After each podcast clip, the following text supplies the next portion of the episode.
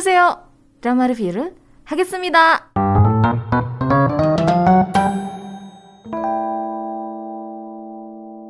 Oke, sekarang saatnya untuk aku nge-review drama terbaru dari Nam Joo Hyuk yang berjudul Vigilante. Wait ya. Ini tuh drama yang aku tungguin karena uh, ya Nam Joo Hyuk gitu. Terakhir aku nonton dia di drama 2521 kan. Terus dengan ending yang ya endingnya ending yang adil tapi kayak pedih aja gitu. Kayak sulit untuk move onnya. Terus uh, dia pergi wamil nggak lama udah gitu um, ya dia beresin syuting vigilante dulu gitu. Jadi ya yeah, finally tayang di Disney Plus. Sebenarnya episodenya nggak terlalu banyak guys. Jadi cuma 8 episode aja. Um, tergolong ya pendek sih ya. Karena kan biasa rata-rata drama Korea tuh 16 gitu atau sekarang lagi trennya tuh 12 atau 10 ini 8 episode doang.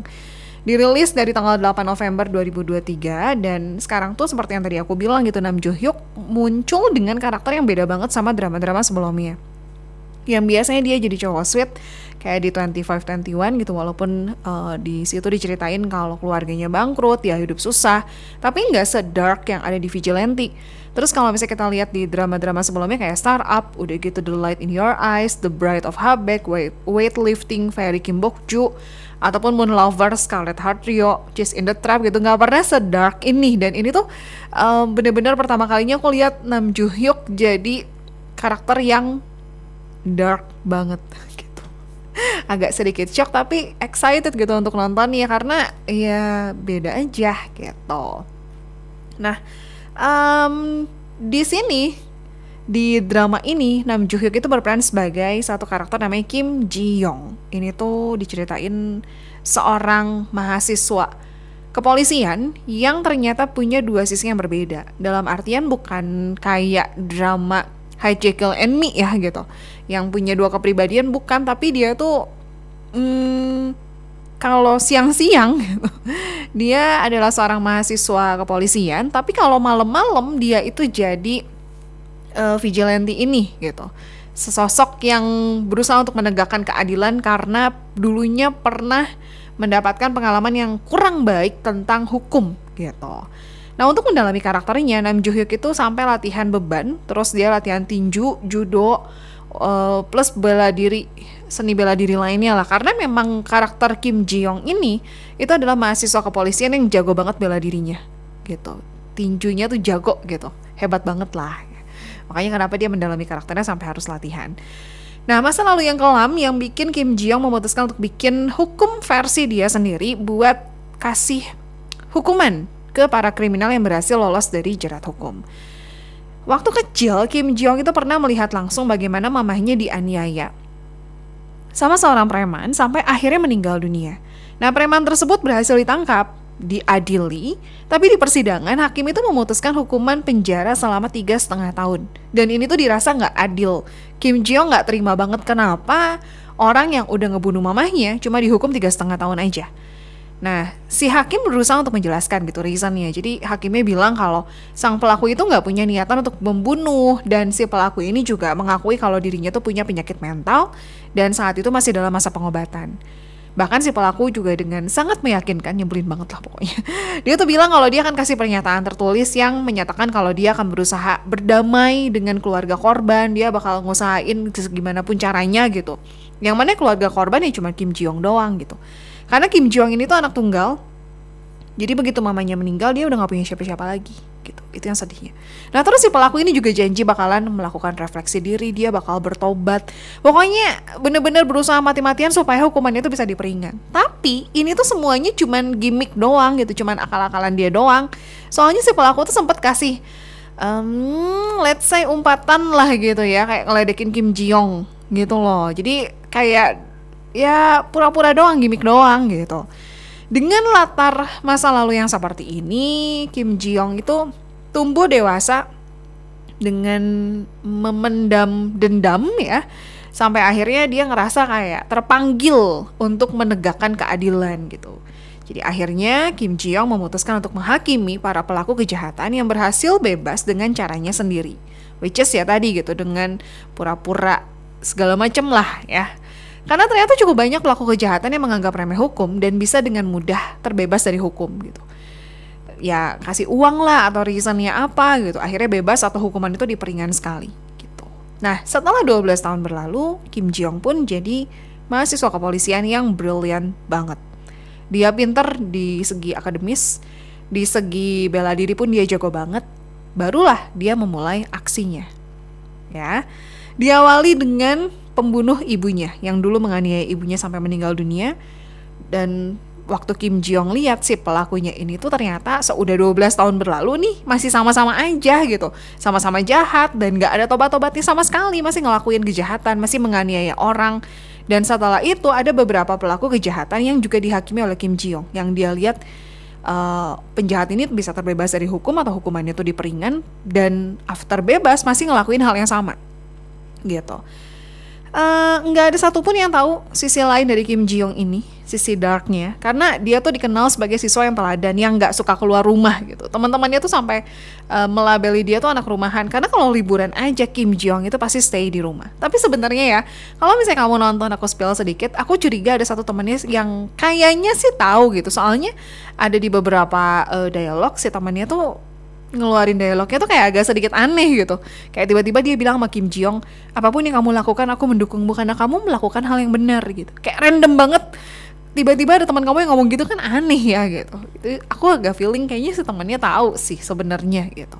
Nah uh, drama ini drama vigilante ini tuh punya vibes yang cukup mirip kayak drama Money Heist. Kalau kamu nonton mau itu versi aslinya atau versi uh, remake Koreanya gitu. Di mana kita tuh sebagai penonton ngelihat kalau si orang yang melakukan kejahatan atas nama kebaikan ini tuh didukung penuh sama masyarakat. Atau kalau misalnya kamu nonton um, drama Mouse, itu pun kayak, aduh nih, tahu gitu si penjahatnya tuh jahat tapi kayak masa sih dia dihukum? gitu. Kan gimana ya gitu loh. Kita sebagai penonton tuh dibikin kayak gitu. Tapi kalau kita jeli nontonnya sebenarnya apa yang dilakukan sama orang ini tuh nggak ada bedanya sama penjahat karena dua-duanya sama-sama ngelakuin kejahatan dan nggak boleh loh sebenarnya kita main hukum sendiri, main hakim sendiri. Karena kan udah ada aturan yang dibuat gitu.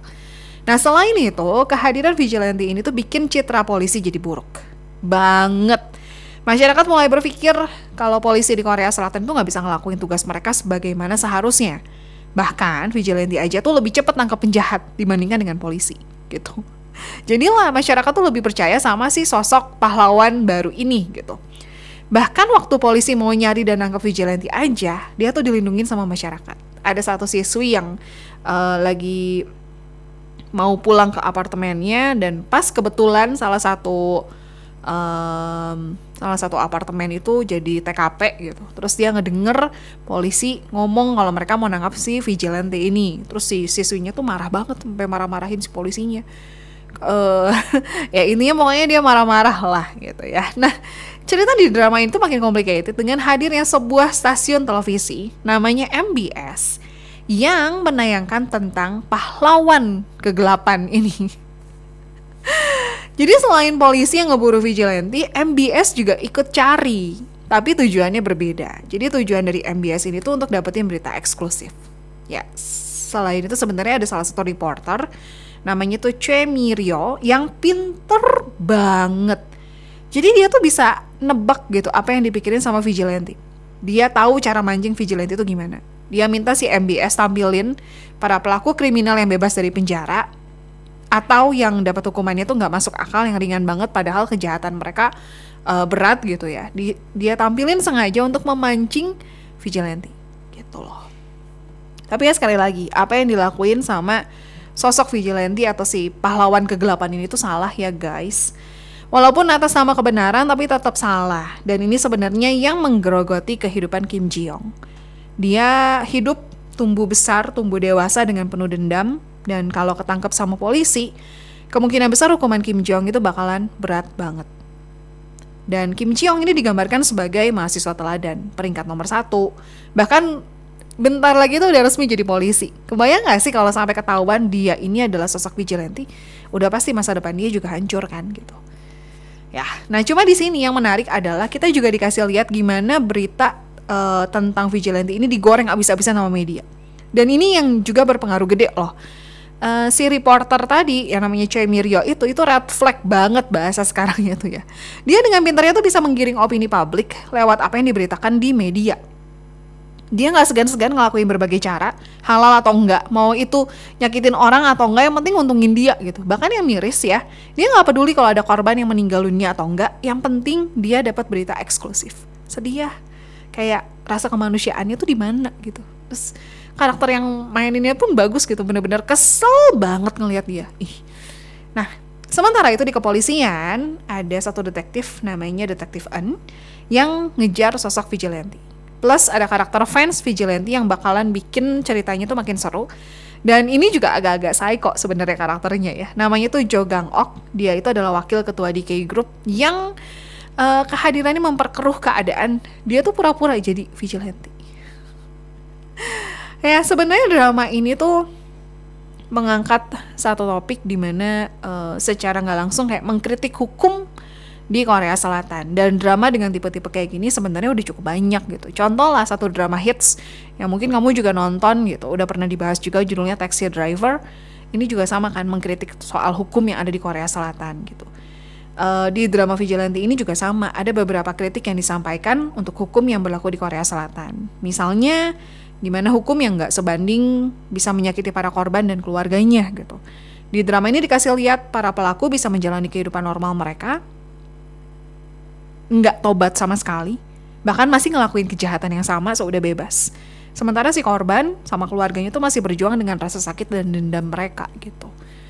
Jadi kalau misalnya dibilang dramanya gimana, dramanya dark banget. Genrenya ya crime thriller gitu. Dan ya bahas soal hukum juga komedinya kalau aku nonton so far sih nggak ada sama sekali gitu ya drama ini didirect oleh Choi Jong Yol Choi Jong Yol itu sebelumnya mendirect drama Startup which is ya um, Nam Jo Hyuk juga kan yang main gitu.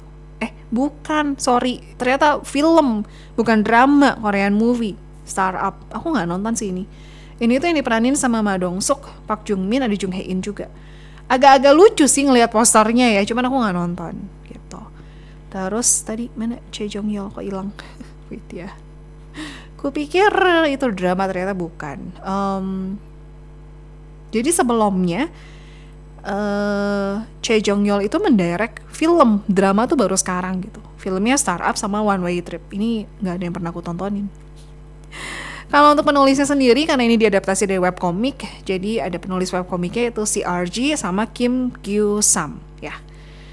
Um, kita bahas pemeran-pemerannya yuk. Tadi Nam Jo Hyuk udah disempat dibahas, terus uh, karakter detektifnya itu adalah Yu Ji Tae. Diperannya sama Yu Ji Tae. Yu Ji Tae sengaja nambahin berat badan dia 20 kilo untuk mendalami karakter ya. Yo JT, aku nonton dia kayaknya udah cukup banyak ya kalau dia main drama-drama thriller. Terakhir itu dia main drama Money Heist uh, versi Koreanya. Terus ada Villains, Villains tapi ini belum rilis. Tulisannya sih 2023 ya, cuman nggak tahu masih belum sih. Udah gitu aku nonton dia itu di Jugglers, Mad Dog, terus di Healer juga dia main di situ. Jadi udah cukup lumayan lah nggak perlu diragukan lagi kemampuan dia kalau misalnya udah acting di genrenya thriller atau crime kalau jadi detektif gitu itu udah nggak perlu diragukan lagi lah ya Oke, okay, terus berikutnya karakter yang ngefans banget sama Vigilante itu adalah um, Jo Gang Ok yang diperankan oleh Lee Jun Hyuk. Ini juga kayaknya udah cukup sering aku tontonin sih. Aku terakhir nonton dia itu di Our Beloved Summer. Terus dia main juga di Stranger, um, A Palm a Day, Secret Garden dan lain-lain cukup banyak. City Hunter juga dia main di situ. Dia udah cukup sering ya. Terus untuk karakter uh, reporter yang red flag banget itu dia peranin sama Kim So Jin. Asli dia tuh sampai ngewarnain rambut dia jadi pink pink ungu gitulah, pink keungu-unguan gitu. Um, dia kalau untuk drama baru main tiga drama sebenarnya Marriage Contract.